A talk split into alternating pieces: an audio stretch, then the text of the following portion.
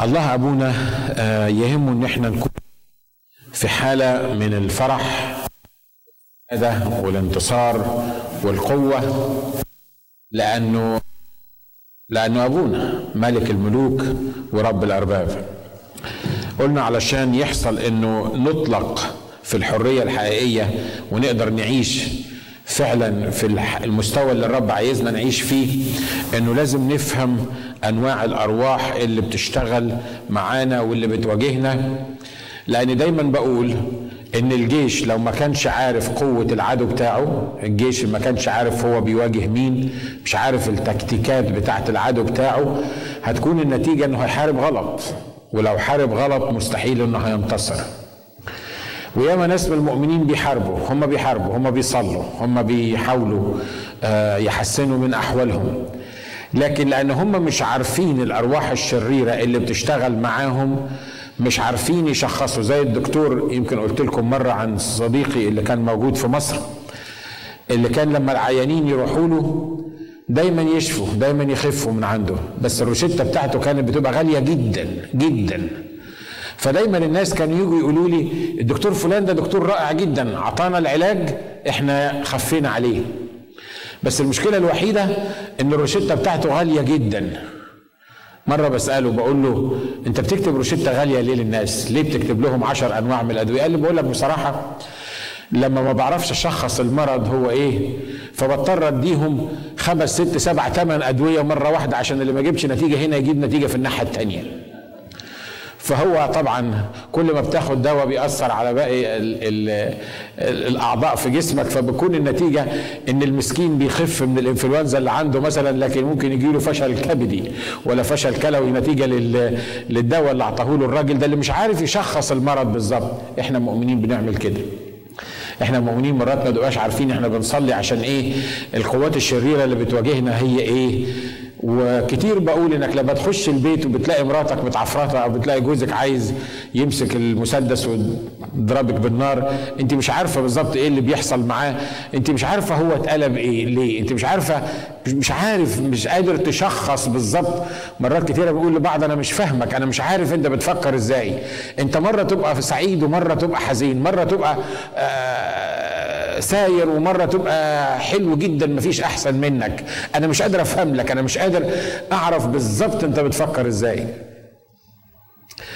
عشان كده كنا بندرس عن الأرواح الشريرة اللي بتحاول تهاجمنا عشان نقدر نشخص الحالات اللي إحنا بنعيش فيها الأمراض بتاعتنا الحاجة اللي الرب عايز يعلمها لنا. وما كنتش تعرف تشخص صح ما تعرفش تعالج صح. تعمل روشتة كبيرة وتقعد تسأل في الناس وتروح وتيجي وال- والعلاج ما بيبقاش علاج مظبوط. لكن آه، شيء طبيعي شيء عادي شيء مهم جدا إن إحنا نقدر نشخص الأرواح الشريرة اللي بتشتغل معانا.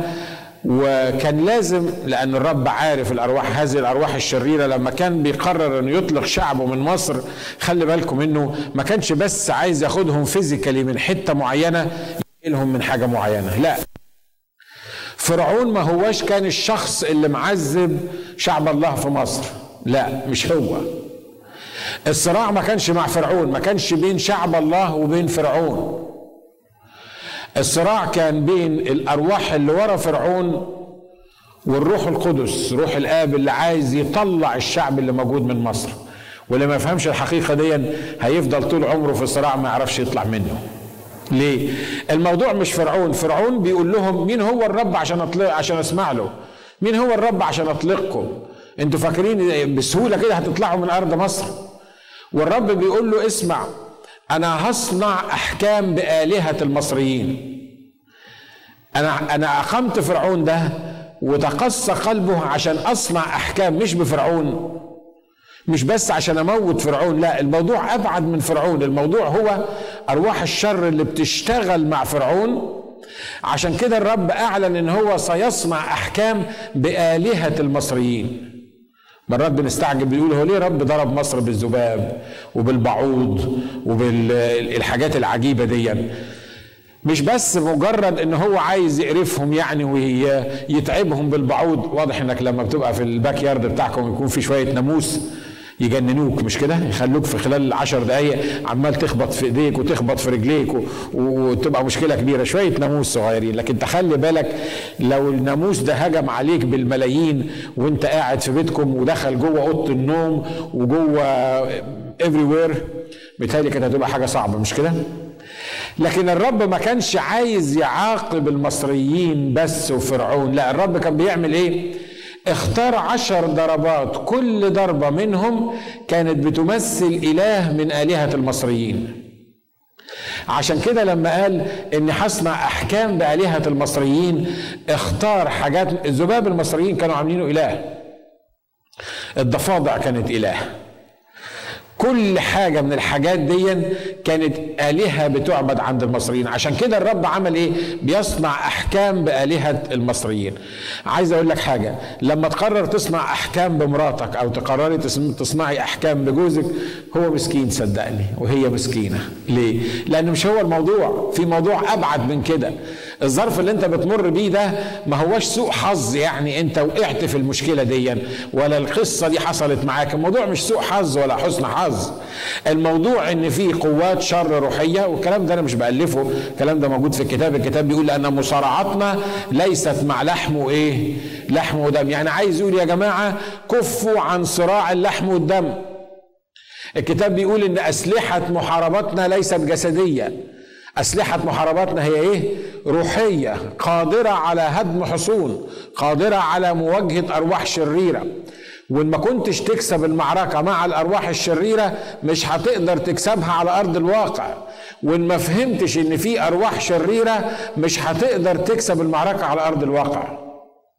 أمين. اتكلمنا عن أرواح كتيرة ومش هنراجعها تاني. روح الفشل وروح الاكتئاب وروح الخوف. وكتير من الأرواح اللي إحنا محتاجين نشخصها وإحنا عايزين نطلق من الحالة اللي إحنا موجودين فيها.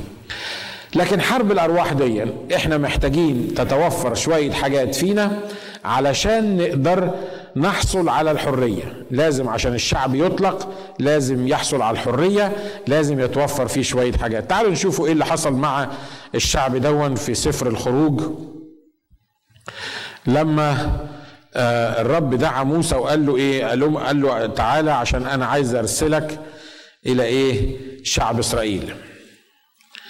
في خروج ثلاثة بيقول الكلمات دي. إن الرب كلم موسى في عدد ستة بيقول ثم قال أنا إله أبيك إله إبراهيم وإله إسحاق وإله يعقوب خروج ثلاثة وعدد ستة. فغطى موسى وجهه لأنه خاف أن ينظر إلى الله. فقال الرب إني قد رأيت مذلة شعبي الذي في مصر وسمعت صراخهم من أجل مسخريهم. إني علمت أوجاعهم فنزلت لأنقذهم من أيدي المصريين وأصعدهم من تلك الأرض إلى أرض جيدة واسعة إلى أرض تفيض لبنا وعسلا. عدد تسعة بيقول والآن هو ذا صراخ بني إسرائيل قد أتى إلي ورأيت أيضا الضيقة التي يضايقهم بها المصريون. فالآن هلم فأرسلك إلى فرعون وتخرج شعبي بني إسرائيل إيه من مصر. أول حاجة لازم تتوفر فينا عشان الرب يطلقنا هي إن إحنا نحس بالحالة اللي إحنا موجودين فيها. نحس بالضغط اللي إحنا موجودين فيه. نحس بالحرب الروحية. نحس باحتياجنا إلى إن حد يتدخل وينقذنا من الحالة اللي إحنا موجودين فيها. تقول لي هو أي واحد في حالة صعبة؟ طب ما طبعا لازم يحس. هو في حد ما بيحسش؟ لا صدقوني ما بنحسش. مرات كتيرة حتى الحزن بيعجبنا وبنبقى عايزين نستمر فيه. الفشل مرات نعمل self pity party على أنفسنا ونحاول إن إحنا نبرره لنفسينا. ناس كتيرة ناس كتيرة بتبقى في الوضع اللي المفروض إنها تطلع منه ما بتقدرش تطلع منه. الرب ضرب مصريين بالضفادع. فرعون صرخ قال له آه يا رب يا رب آه، يا موسى تعالى صلي للرب علشان يطلقنا عشان يطلق الضفادع دي ويخلصنا منها. موسى سأل فرعون سؤال عجيب جدا بيقول له عايز إمتى الضفادع دي تتشال؟ فكر معايا لحظة. انت دلوقتي بيتكم مليان ضفادع. الكتاب بيقول إن حتى المعجن بتاعهم الأكل بتاعهم العيش الخبز وهم بيخبزوه الضفادع كانت بتخش في العجين بتاعهم. دي مش ضفدعة ولا اتنين يعني بيجروا وراها. فجأة حصل حرب من الضفادع. انت قادر تتخيل المنظر؟ ها؟ فكر فيه كده تخيلوا. حرب من الضفادع الضفادع ملت أرض مصر دخلت على السراير بتاعتهم ودخلت على العجين بتاعهم. ما كانش فيه ثلاجات لكن دخلت على الخزنة اللي حاطين فيها الأكل. كل حتة بيشوفوها ضفادع. دي حاجة مش مش كده؟ ها؟ وموسى بيقول له بيقول له عين لي إمتى أصلي لك علشان الضفادع تتشال من عندك؟ المهم فرعون المفروض يقول له إيه؟ دلوقت. صلي دلوقت اطلب من الرب دلوقتي إن الضفادع دي تتشال عارفين فرعون قال له إيه؟ قال له غدا. صلي عشان بكرة. طب ومن دلوقتي لغدا إيه اللي يخليك تقعد؟ مش برضه في مخ لازم يفكر بيه؟ واحد بيقول لك أنا هصلي للرب هيشيل عنك الضربة. يشيل الضربة دي إمتى؟ يقول له بكرة. ما تشيلهاش النهارده شيلها بكرة. وياما ناس في ضربة وفي مشكلة وفي قضية لازم الرب يتدخل فيها وهم لما بتسألهم نصلي عشانك إمتى ولا تسلم حياتك للمسيح إمتى يقول لك إن شاء الله الاجتماع اللي جاي لما لما نتقابل مرة تاني. أبقى صلي علشاني. طب ما تيجي نصلي دلوقتي. يقول لك أبقى صلي علشاني. بيحصل مش كده؟ عشان كده مهم إن عشان الله يطلقنا من الحالة اللي إحنا فيها إنك لازم تفهم إن الحالة اللي إنت فيها دي حالة انت محتاج ان الرب يحررك منها وتفهم حقيقة الحالة اللي انت فيها دي. الناس السكرية والخمرجية وبتوع القمار لما تيجي تقول له مش عايز ربنا يحررك يقول لك عايز طبعا ربنا يحررني. طب تيجي نصلي مع بعض علشان ربنا يحررك؟ يقول لك ابقى صلي لي. ابقى صلي لي. لا الموضوع مش صلي لك الموضوع انك لازم تحس انك في شر عظيم وعار. الموضوع انك لازم تعرف دلوقتي انك محتاج الحكاية دي وتطلب من الرب الحكاية دي لانك لو أجلتها كمان شوية عشان أصلي لك مش هينفع الصلاة اللي هصليها لك لأن الرب عايز يطلقك دلوقتي آمين؟ في ناس مش عارفة الاحتياج اللي هي فيه. آه فاكرين الراجل المقعد قدام باب الجميل لما بطرس ويوحنا رايحين فايتين عليه عايزين يشفوه وهو شحات. بقى له 40 سنة بيجيبوه يحطوه على باب الجميل. هو شحات. فأول ما طلع بطرس ويوحنا وهم ماشيين بص لهم كده ما هو شحات. فعايز يشحت. فبصص لهم على أساس إن هو ياخد منهم حاجة. فهم بيقولوا له إيه؟ طبعا هم ما كانش معاهم فلوس لأن نشكر الله هم ما كانوش معتمدين على المصاري في الخدمة بتاعتهم وما كانوش بيدوروا على المصاري ولا بيجروا ورا المصاري. هم كانوا بي بيعيشوا بالإيمان. فبصوا لل للراجل كده فبطرس بيقول له ليس لي فضة ولا ذهب. انظر إلينا. الكتاب بيقول فنظر إليهما منتظرا أن يأخذ منهما شيئا. يعني إيه؟ في في خطة لله في دماغه عايز يشفي الراجل ده لكن الراجل ده لأنه شحات واخد على الشحاتة فهو عايش طول عمره شحات مش قادر يتخيل إن في حاجة تاني ممكن تحصل مع غير الشحاتة. الرسول بطرس قال له اسمع ليس لي فضة ولا ذهب اللي انت عايزه مش موجود معايا أنا ما عنديش حاجة اديها لك لكن الذي لي إياه أعطيك باسم يسوع المسيح الناصري قم وإيه؟ قم وامشي. إيه رأيكم لو لو أعطاله ألف دينار ولا أعطاله ألف دولار كانت تساوي إنه يشفى ويقوم ويتحرك؟ في ناس مش واخدة بالها من الوضع اللي هي موجودة فيه. في ناس من كتر الضغط ومن كتر الضيقة ومن كتر المشكلة اللي موجودة عندها استسلمت للموضوع ده وحست إنه ده أمر واقع المفروض عليا لازم أعيش بيه. صح اللي أنا بقوله؟ لكن خلي بالك إنك أنت ليك إطلاق من الرب الرب عايز يطلقك في حرية حقيقية. الرب عايزك تعيش منتصر. الرب عايزك تعيش رافع راسك. الرب مش عايزك تعيش عبد للمخدرات ولا عايزك تعيش عبد للقمار ولا عايزك تعيش عبد لل... للسكر ولا عايزك تعيش عبد للمشاكل اللي موجودة عندك. الرب عايز يجي ويتنبأ عليك النهاردة ويخليك تتنبأ على الحالة اللي انت فيها عشان تطلق من الحالة دي. لو انت قبلت انك تبقى موجود في الحالة دي it's your problem it's your business. انت اللي هتستمر في الحكاية دي. أمين؟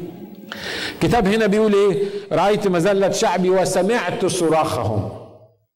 في ناس كتيرة زي ما اتفقنا مستسلمة للوضع الحالي اللي هي موجودة فيه عشان كده ما بتتكلمش مع الرب ما بتصرخش. وعلى فكرة مبدأ مهم عند الرب إنك تيجي وتتكلم معاه. عايز يعمل علاقة بينك وبينه. مش بس مجرد انك انت بتشتكي وبتصرخ وبتعمل مشكلة. الرب زي ابني أنا ابني لما يكون عنده مشكلة ويجي يحكيها لي. لو ما يعرفنيش إلا في وقت المشاكل متهيألي يبقى في حاجة غلط في العلاقة بيننا مش مش كده ولا إيه؟ ابني لازم يبقى في شركة بيني وبينه ولما يبقى عنده مشكلة يطلبها مني. الرب لما كان بيمر في القديم جابوا له واحد عشان يفتح عينيه. وواضح إن هو مش بيشوف. الرب سأله سؤال عجيب جدا. قال له أنت عايز إيه؟ يا رب الراجل عمال يقول لك يا ابن داوود ارحمني والراجل أنت شايف إن هو مش بيشوف والشيء الطبيعي إن أنت يعني تلمس عينيه تفتحها. أنت ده سؤال يا رب تسأله له أنت عايز إيه؟ يقول آه أنا عايز أفهم هو فاهم عايز إيه ولا لأ؟ هو بيصرخ ليه؟ هو عارف اللي عندي الشفاء أنا عايز أسمع من بقه هو من فمه هو هو عايز إيه؟ الرب عايزنا نصلي لأجل بعض بس مش عايزني أنا أصلي لأجل المشكلة اللي عندك. لو أنت ما بتصليش عشانها. نقول تاني. واضح اللي أنا عايز أقوله؟ ها؟ الرب مش هيستجيب صلاتي أنا ليك عشان يحل مشكلتك لو أنت ما بتصليش. لو أنت ما بتعلنش احتياجك لو أنت ما بتصرخش للرب الرب مش هيسمعني أنا. ليه؟ لأن انت صاحب المشكلة وانت اللي لازم تصرخ وانت اللي لازم تكلم الرب وأنا اساعدك أو الاخوه بتوعنا يساعدوك في ان هم يصلوا علشانك. بس اولا انت تكون بتصلي ومحتاج انك تغير الوضع اللي انت فيه. امين؟ عشان دي عشان كده حاجة إحنا محتاجين نفهمها. في ناس وصلت من اليأس لدرجة ان خلاص اول ما تقابلك تقول لك صلي لي اما لو كان يعني انت صليت ما صليتش هي الدنيا خربانة. ويعني صليت يبقى عملت معروف ما صليتش ما هي أصلها متطينه يعني هي ناقصاك صلي صلي ما تصليش ما, ما تفرقش كتير. وبعدين يقول هو ربنا ما بيسمعش ليه؟ ما أنا عمال أقول له ما أنا عمال أقول له يا رب خد بالك من من البنت دي ولا من الراجل ده. وهو هو مش حاسس بالمشكلة اللي هو فيها هو مش حاسس بالمصيبة اللي هو فيها. هو فاكر إن هو جدع عشان بيسكر ولا فاكر إنه جدع علشان بي بيدخن أربع خراطيش سجاير في اليوم ولا ولا فاهم ما أعرفش هو فاهم إيه بالظبط. فعشان كده هو بس لما بتزنقه بيقول لك صلي لي. رحنا نصلي لواحده كان عندها suicidal spirit كانت عايزة تقتل نفسها. وهي اللي طلبت مننا أنا والقسيس نبيل نروح نصلي لها. وبعدين حطينا إيدينا عليها. فراحت حطينا ايدينا عليها وإحنا بنصلي لها. وأنا والقسيس نبيل هرينا نفسنا في الصلاة. باسم يسوع نقيدك ونربطك ونعمل مش عارف مين وعمالين نشتغل. وبعدين الرب قال لي slow down slow down slow down أنا مش هشفيها لأن البنت دي مش عايزة تشفى. البنت دي كانت مدمنة مخدرات جامدة يعني. فبعدين أنا بصلي لما الرب قال لي كده قلت مش عايزة تشفى. امال إحنا عمالين نصلي بقالنا نص ساعة ومربطين الشياطين اللي في الدنيا وبعتينهم كلهم لجهنم واتارينا إحنا بنصلي في قصة تاني. يعني إحنا بنصلي في اتجاه والزبونه دي في, اتجاه تاني. فالرب قال لي لا stop it ما تصليش. قلت له قال لي هي مش عايزة تشفى. فجيت في ودن القسيس نبيل كده قلت له بقول لك إيه؟ الرب بيقول لي حاجة غريبة قوي دلوقتي. الرب بيقول لي إن البنت دي مش عايزة تشفى. فراح عامل لي كده قال لي مش عايز تشفى إزاي؟ لما هي اللي قالت تعالوا صلوا لي. الكلام منطقي فعلا هي اللي قالت تعالوا صلوا لي فمش عايزة تشفى إزاي؟ فأنا قلت طب نصلي. حطينا إيدينا عليها وفضلنا برضو أنا طبعا وقفت عن الصلاة وهو الراجل يعني هرى نفسه برضو في الصلاة. وبعدين الرب قال لي خلاص صلوا عايزين تصلوا صلوا. هي مش عايزة تشفى أنا مش هشفيها. رحت تاني قلت له يا نبيل اسمع بقى الرب بيقول إنها مش عايزة تشفى عشان كده مش هيشفيها. راح قال لها القسيس ناجي بيقول إن أنت مش عايزة تشفي الرب بيقول له إن أنت مش عايزة تشفي. ودي راحت اتفتحت فينا. أمال جايباكم ليه؟ أمال طلبت منكم إن أنتوا تيجوا تصلوا في بيتي ليه؟ أمال أنا مش عارف عملت إيه؟ بعدين بص لي كده قال لي ما كلامها صح. ما هي اللي قالت تعالوا. طبعا طلعت أنا اللي شكلي وحش مش كده؟ ف بعد شوية كده الرب قال لي أنا قلت إنها مش عايزة تشفى أنا عارف إنها مش عايزة تشفى والرب ورهاني محطوطة زي كيس ملاية كده واتنين شياطين ماسكينها ورايحين بيها يرموها في البحر. وقال لي دي النهاية بتاعتها. ال suicidal spirit هي هيروح يرموها في البحر. بعدين قلت لنبيل اسمع ما يهمنيش هي بتقول إيه. الرب بيقول إن البنت دي مش عايزة تشفى. راح قال لها لو عايزة تشفي قولي ورايا. يا رب يسوع اشفيني.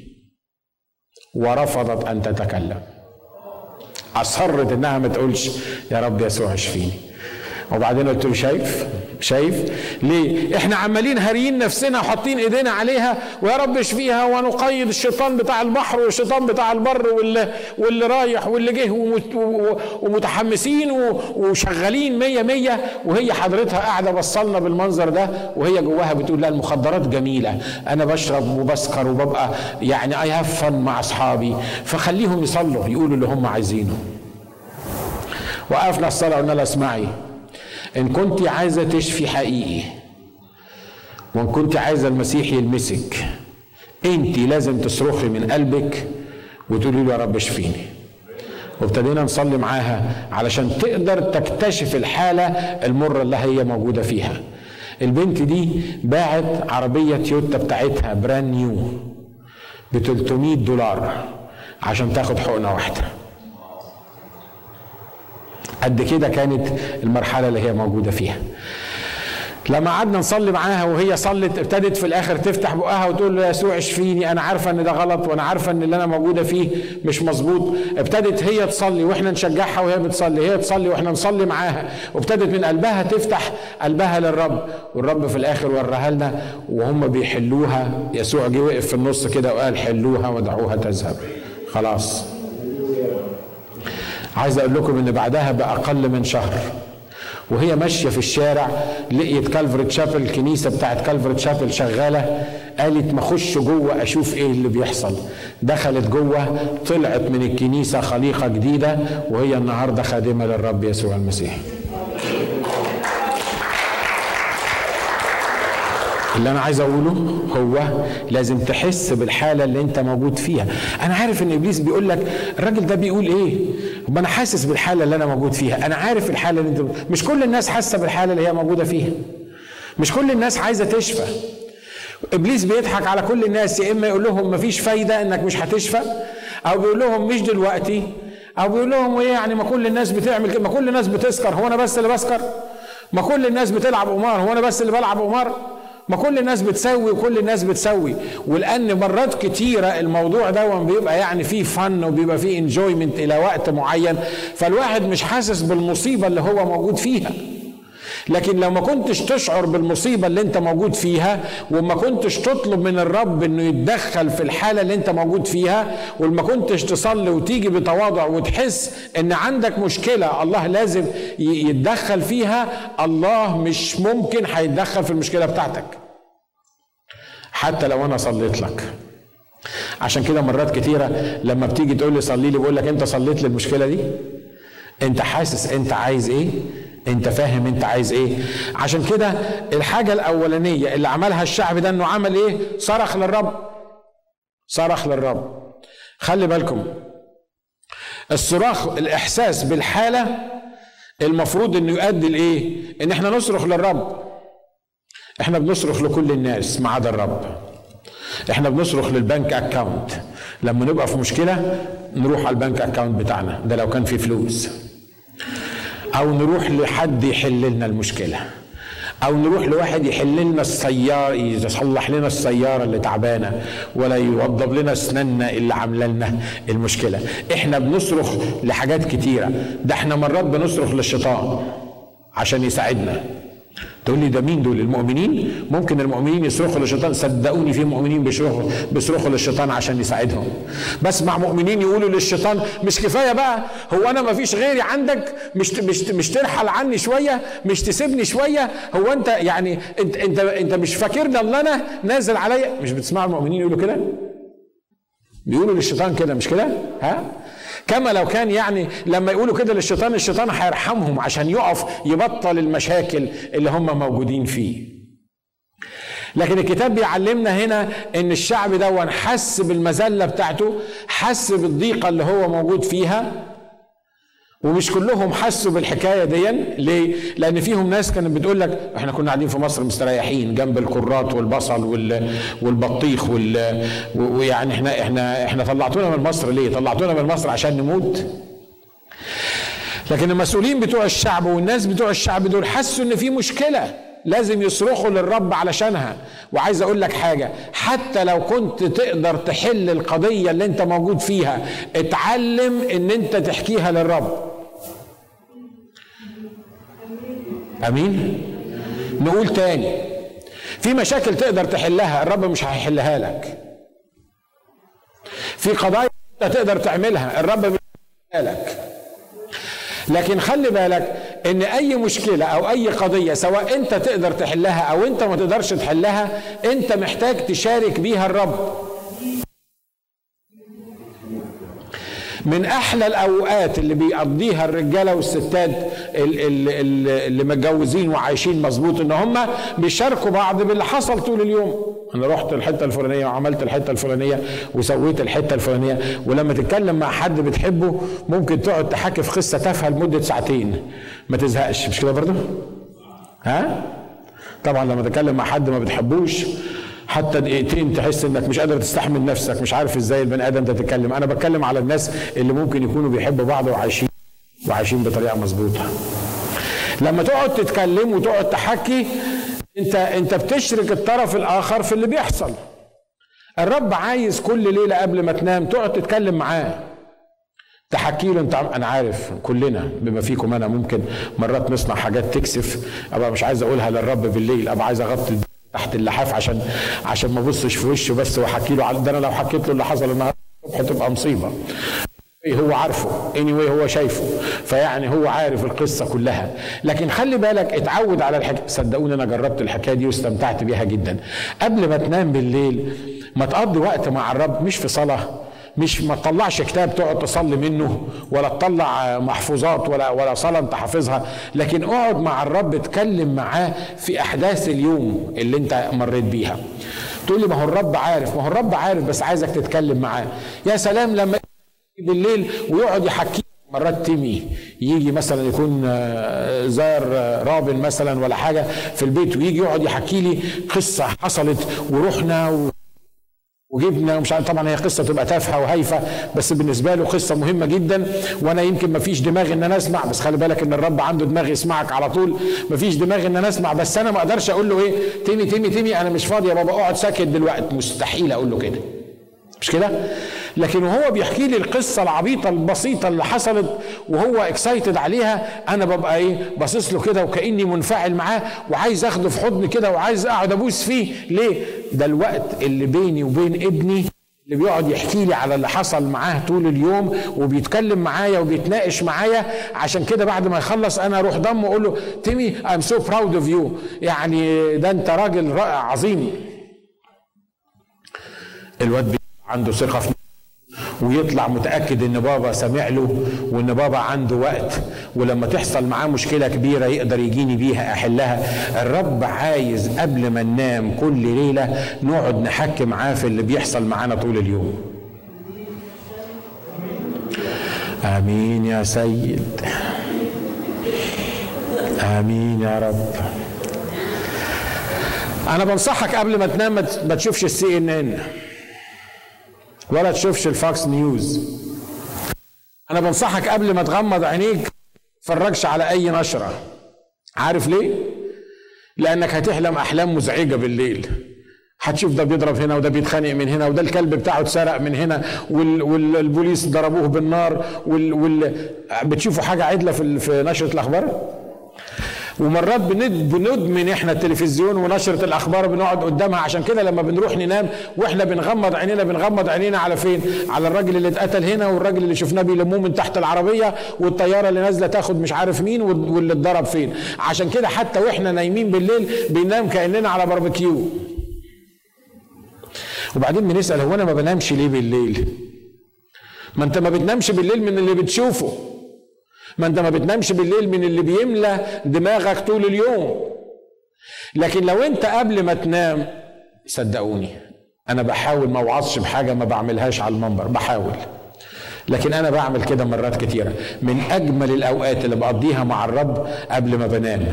عارف قبل ما بنام بعمل إيه؟ مرات كتيرة. ما بقولكش بعمل كده كل يوم عشان ما بقاش كذاب من على المنبر.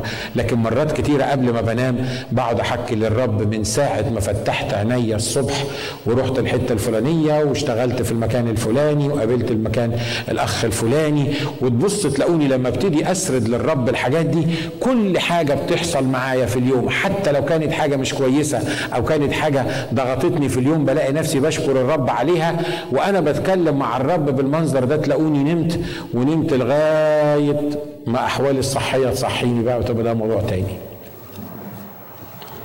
أنت معايا؟ إحنا محتاجين نتعلم إن إحنا نصرخ للرب. مش نصرخ للناس اللي حوالينا. مش ننتظر الناس يحلوا لنا مشاكلنا. مش ننتظر إن الناس يقولوا لنا نعمل إيه في مشاكلنا. Which is good إنك أنت يكون عندك حد تقدر تتناقش معاه وتتكلم معاه وتاخد منه مشورة. لكن الرب بيتفرج علينا من فوق وبيبقى عايز يقول لك قبل ما تنام تعالى حكي لي. أنت رحت حكيت للاسيس ناجي ورحت لفلان ورحت لفلانة واشتكيت لفلان بالتليفون ورحت عملت المشكلة الفلانية. ليه نسيني أنا في كل الموضوع ده؟ ليه ما تجيش بالليل تقعد تحكي الموضوع ده وانت نايم وانت رايح تنام تقول له اسمع رب أنا هنام انت ما بتنامش أنا ما أقدرش احل الموضوع ده انت تقدر تحله أنا هحط الموضوع ده بين ايديك وأنا هنام وانت تتصرف فيه عبيت للصبح تكون حليته.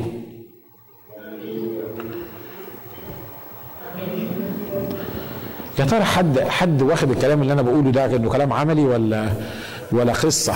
ها؟ ولا حاجة أنا بوعظ صدقوني جربت. أنا متأكد من الناس اللي رفعت إيديها. ناس فعلا جربوا إن هم يعملوا الموضوع ده.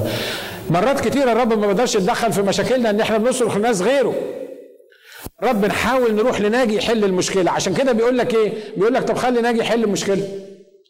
تلاقيه هو عايز يتدخل في الموضوع لكن بيعمل إيه؟ بيقول لك طب خلي ناجي يحل مش, مش انت مش أنت لجأت للناجي مش أنت قلت إن ناجي هو اللي هيحل لك المشكلة؟ خليك مع ناجي لغاية ما نشوف ناجي هيعمل فيك إيه. ويمكن انت تكون مخلص وناجي يكون مخلص عايز يحل المشكلة بتاعتك. لكن يبقى كل اللي عايزه هو انه يلفت نظرك انك قبل ما تنام قبل ما تجري على الدكاترة وقبل ما تجري على البنك وقبل ما تجري على الناس اللي يحلوا لك المشاكل بتاعتك وقبل ما تجري على جنك من الناس اللي حواليك اللي ممكن يتعبوك أكتر مما يفيدوك. بيبقى عايزك انت تتناقش معاه في الموضوع حكي معاه في الموضوع. أمين؟ تحبوا تسمعوا اختبار تاني في الموضوع ده؟ أنا عارف إن بعضكم سمعوه. لما كنت مرة في في الجيش آه القائد بتاعي حبسني لمدة شهر. مش حبسني في السجن يعني حبسني لمدة شهر لأنه إحنا كنا بننزل أسبوع وبنشتغل أسبوع. في الأسبوع اللي المفروض أروح أشتغل فيه عيد فدخلت المستشفى لمدة يومين وأعطوني أجازة خمس أيام. فالأسبوع اللي المفروض أكون فيه هناك ما كنتش فيه هناك. فالظابط طبعا اتجنن مني وراح حبسني لمدة شهر. لما تتحبس لمدة شهر في الجيش ما تنزلش أجازات. فهو حبسني وخد بعضه ومشي. الراجل المساعد بتاعه جه قال لي اسمع ناجي انت ما بتكذبش. أنا عايز أسألك سؤال واحد. قلت له آه. والراجل بتاعه ده اسمه محمد يعني ما هوش مسيحي. قال لي اسمع أنا عارف إنك ما بتكذبش. أنا عايز أسألك سؤال واحد. أنت فعلا كنت تعبان ودخلت المستشفى؟ قلت له آه. قال لي أنا متأكد إن أنت دخلت المستشفى كنت تعبان. عشان كده الشهر ده أنا مش عايزك تقعد في الجيش. لما يجي الدكتور عبد الحميد ده اللي حبسك انت تكون موجود يومين في الأسبوع. وبعد ما يمشي أنا هدي لك أجازة تنزل فيهم باقي الأسبوع. عملنا كده لمدة شهر بتاع الحبس. طبعا هو ما يعرفش الراجل جه بعد شهر لقيته وأنا واقف بشتغل في العيادة بعت لي رتبة من الرتب بيقول لي تعالى كلم الدكتور عبد الحميد. فالدكتور عبد الحميد ده المفروض إنه حابسني فوانا ماشي رايح اقابل الدكتور عبد الحميد رفعت قلبي للرب قلت له اسمع يا رب خليه يسألني أي حاجة يقول أي حاجة يعمل أي حاجة. بس سؤال واحد يا رب من فضلك ما يسالهنيش ما يقوليش انت نزلت خلال الشهر ده ولا لأ. ليه؟ لأنه لو قال لي انت نزلت قلت له نزلت هتبقى مصيبة. لو قلت له أنا ما نزلتش برضه هتبقى مصيبة لأن هبقى كذبت فوانا ماشي بقى عمال أقول له يا رب أنت بتسمع الصلاة يا رب أنا عارف إنك مش هتحطني في الموقف ده يا رب أنا عارف إنك أنت مش هتخليه يسألني السؤال ده. ورحت وقفت قدامه وهو قاعد مع كام واحد من الرتب الكبار كده وبتاع. وبعدين بص لي كده قال لي هي يا دكتور ناجي أنت نزلت أثناء الشهر ده ولا ما نزلتش؟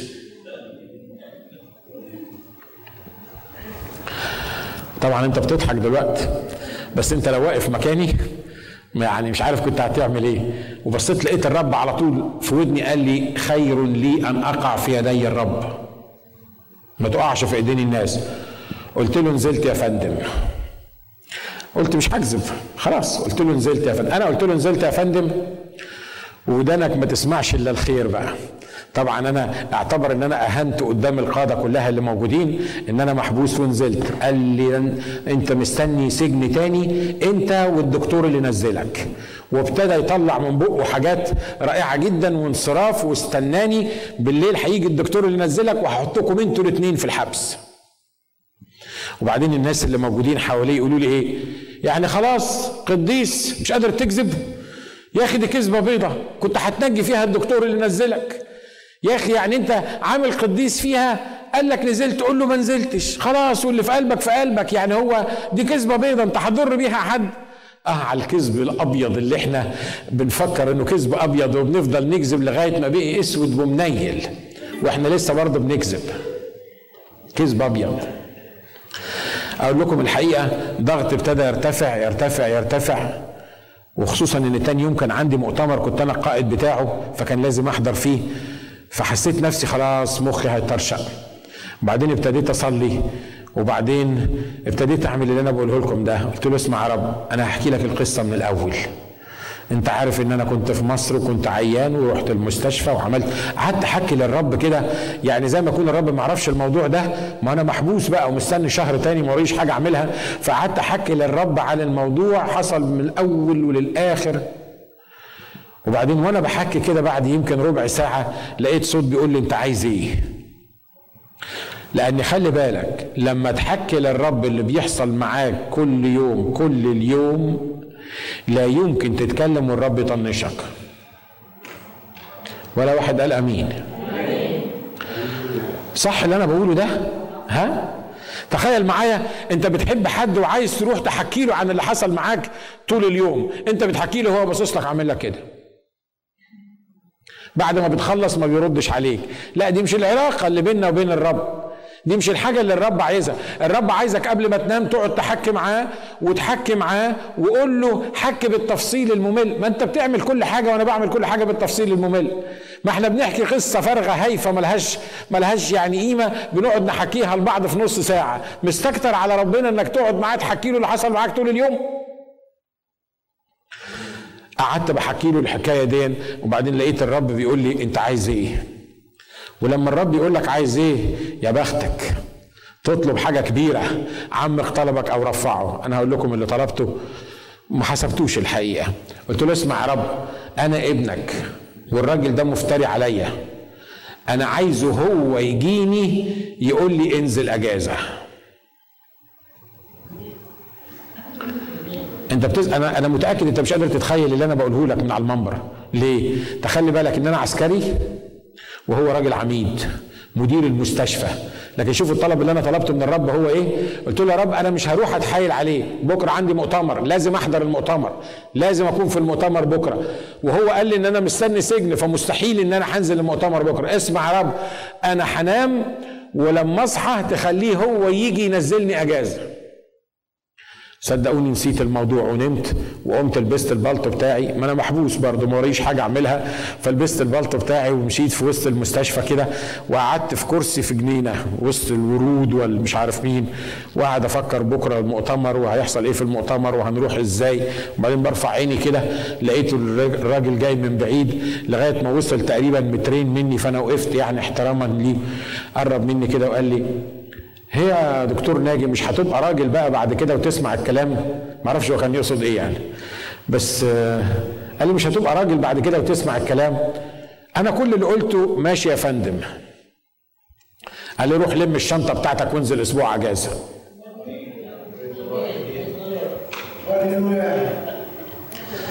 أنا مش بحكي لك قصص من على المنبر. أنا بقول لك إن اللي أنا بقوله ده على الأقل حصل معايا. كم واحد حصل معاه حاجات عجيبة زي اللي أنا بحكي فيها دي؟ طب نشكر الله. يعني تلتينكم آه، آه، واضح إنه حصل معاكم الحكاية دي. أنت محتاج تصرخ؟ ومحتاج تصرخ للرب. محتاج تتكلم مع الرب كل يوم. الرب بيقول لي في سفر نشيد الأنشاد أنا مش هكلم مش هكمل. في نقط تانية هنتكلم فيها بعد كده.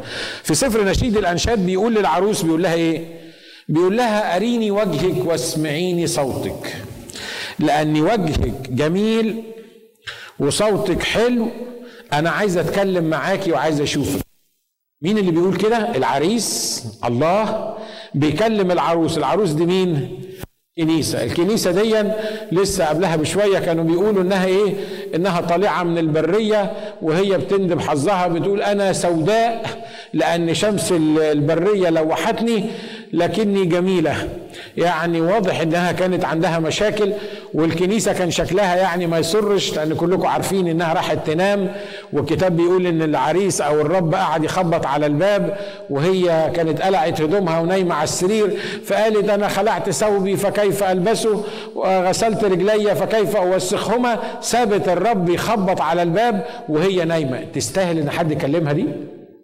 ها؟ تستاهل إن حد يعبرها. يقول لك فعمل إيه الرب؟ راح مد إيده من القوة وقال لها افتحي لي يا أختي يا حبيبتي يا حمامتي يا كاملتي لأن راسي امتلأ من الطل وخصصي من ندى الليل. يعني سيباني طول الليل واقف بره. بتهيألي ما تستاهلش حد يعبرها مش كده؟ ها؟ لكن شوف الرب بيبص لها إزاي؟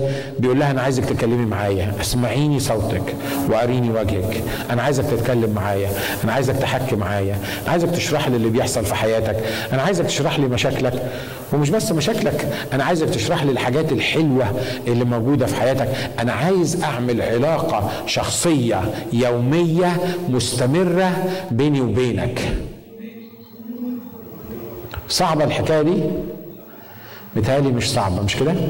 لكن خلي بالك إن الأرواح الشريرة اللي إحنا بنتكلم بيها قاعدة لك بالمرصاد. تخليك تلاقي كل وقت لكل حاجة ما عدا قراية الكتاب. صح؟ تفتح عينيك الصبح على حاجات لازم تعملها. تفضل طول اليوم عامل زي المكنة وبالليل تلاقي نفسك قريت خمس أعداد وبعد كده ابتديت تنام. تتكلم في 700 موضوع في النهار. تتفتح ما تسدش زي ما بيقولوا. لكن الخمس دقايق بتوع الصلاة اللي هتتكلم فيهم مع الرب بيبقوا صعبين. ناس كتيرة تقول لي تقول لي عارف اخ ناجي أنا ابتدي أصلي خمس دقايق وبعدين أتشتت أبتدي أسرح أبص ألاقي نفسي رحت مش عارف فين وإبليس فكرني مش عارف بمين. هم خمس دقايق بقول كل اللي أنا عايزه في خمس دقايق وبعد كده ما بعرفش أقول إيه تاني. عارف ليه؟ لأنك حافظ صلاة عايز تقولها للرب أو اتعودت على طريقة معينة. يا ترى اللي حصل معاك طول النهار تقدر تلخصه في قد إيه؟ متهيألي يعني 24 ساعة ولا 18 ساعة صاحي فيهم. متهيألي ياخدوا منك ساعة عشان تحكي بالتفصيل اللي حصل. مش كده ولا إيه؟ ها؟ شوف لما بتتخانق مع حد أنا شطبت خلصت. شوف لما بتتخانق مع حد وبتيجي تحكي لي الخناقة بتحكيها لي إزاي؟ مرات بعضكم لما بيجي يحكي لي خناقة حصلت معاه بيحكيها لي بالحذافيرها بالتفصيل. وقالت لي كذا قلت لها كذا. أصل هي قصدها كذا. عشان كده قالت لي كذا. رحت أنا قايل لها كذا. راحت هي قايلة كذا. وأنا عارف إن هي عايزة تعمل بتقول كذا عشان تفكرني بكذا. رحت أنا رد عليها تقول لها كذا. وتقعد معايا نص ساعة ولا ساعة تقول لي الخناقة بالتفصيل اللي أنا قرفان منك ومنها ومش عايز أسمعها.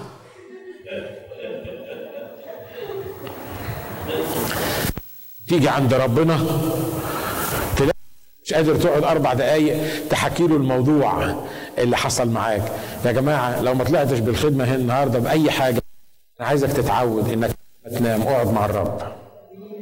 حكي معاه تفاصيل التفاصيل. هو هيفرح بيك صدقني زي ما أنا بفرح بتيمي بالظبط. حتى الحاجات الهايفة اللي أنت حاسس إنها حاجات هايفة أثناء النهار اقعد احكيها للرب. المشاكل الكبيرة تطلعاتك. أمالك. ده انت لو هتقعد تصلي عشان مراتك وبيتك بس وعيالك متهيألي هتاخد وقت كبير جدا. اقعد كلموا عن سنهم كلموا عن أحوالهم كلموا عن التغيير اللي بيحصل معاه اقعد كلموا عن الحاجات اللي انت مش قادر تتخلص منها. اقعد كلموا عن الحاجات اللي انت بتفكر انك تعملها له أو تعملها لغيره في المستقبل. اقعد كلموا عن الجدول بتاع بكرة. ما انت عندك جدول رايح الشغل تعمل حاجة ولا مستني حاجة تحصل. خد وقت تلذذ به مع الرب. تلذذ بالرب فيعطيك سؤل إيه سؤل قلبك هو الرب بيديك سؤل قلبك ليه؟ لم بيقول لك أصل ده مشترك معايا ده بيكلمني كل يوم. عارفين الرب قبل ما يهلك سدوم وعمورة قال إيه عن إبراهيم؟ قال هل أخفي عن عبدي إبراهيم ما أنا صانع؟ يا رب ده أنت هتولع بلد وبعدين أنت الله اللي تقدر تحكم وترسم وتقول ومحدش يتكلم معاك. قال لك لا أنا ما أقدرش أولع سدوم وعمورة إلا لما أتكلم مع عبد إبراهيم عن الموضوع ده. إيه رأيكم؟ لو إبراهيم ما بيتكلمش مع الله خالص كان كان الرب قال أنا هكلم إبراهيم في موضوع سدوم وعمورة؟ ها؟ ما ينفعش. ليه؟ بس إبراهيم كان متعود يقعد مع الرب ويتكلم معاه. شكله اللي بيحصل معاه والرب يتكلم معاه. وبعدين الرب قال لك لحسن إبراهيم يشوف سدوم وعمورة ومولعة يقول الله طب أنا كنت قاعد مع الرب امبارح ما قاليش ليه؟ مش ده اللي بيحصل معانا؟ ها؟ لما يكون في حد بتقعد معاه وتتكلم معاه وبعدين يعمل حاجة معينة تقول طب أنا كنت معاه امبارح امبارح كنا بنشرب في ستاربكس قاعدين مع بعض لمدة ساعة. أمال أمال ما قاليش ليه إن الموضوع ده هيحصل ويصعب عليك منه؟ الرب بنفس الطريقة. طولت أنا في النقطة دي. ها؟ بس دي نقطة مهمة لأن ده سر تغيير سر إنك تفهم أفكار الله على الله. مفيش طريقة تاني تقدر تفهم بيها الله بيفكر إزاي إلا لما تقعد معاه كل يوم وتحكي له عن كل اللي بيحصل معاك. لما تقعد مع الرب وتحكي له على اللي بيحصل معاك كل اليوم مش بس المشاكل زي ما بقول حتى الأمور الطبيعية العادية اللي حصلت معاك والحاجات الحلوة اللي حصلت في حياتك. لما تقعد مع الرب كل يوم وتتحكي معاه الرب مش هيقدر يخلي إبليس يفاجئك بحاجة لأن هو وأنت قاعد معاه أنت بتتكلم وهو بيتكلم معاك أنت بتتكلم وهو بيتكلم معاك. عشان كده في القعدة معاه خلي عينيك تستنير ويخليك تفهم اللي هيحصل بكرة ومفيش حاجة تاخدك على غفلة لانك مع ملك الملوك ورب الأرباب. عشان كده الكتاب بيقول عرف موسى طرقه وبني إسرائيل إيه؟ أفعاله. بيقول لك أنا كنت بتكلم مع موسى وجها لوجه كما يكلم الرجل إيه؟ صاحبه. ده على فكرة مش بس مع موسى لكن ده مع قديسين العهد الجديد. إحنا راسك في الصلاة معايا. بقول يا رب أنا عايزك تغير الستايل بتاع حياتي. أنا عايزك تعمل حاجة جديدة تغيرها في حياتي. أنا عايز حاجة جديدة تتغير في حياتي النهارده في طريقه الصلاة اللي أنا بتكلم بيها. أنا عايزك يا رب تعمل حاجة جديدة.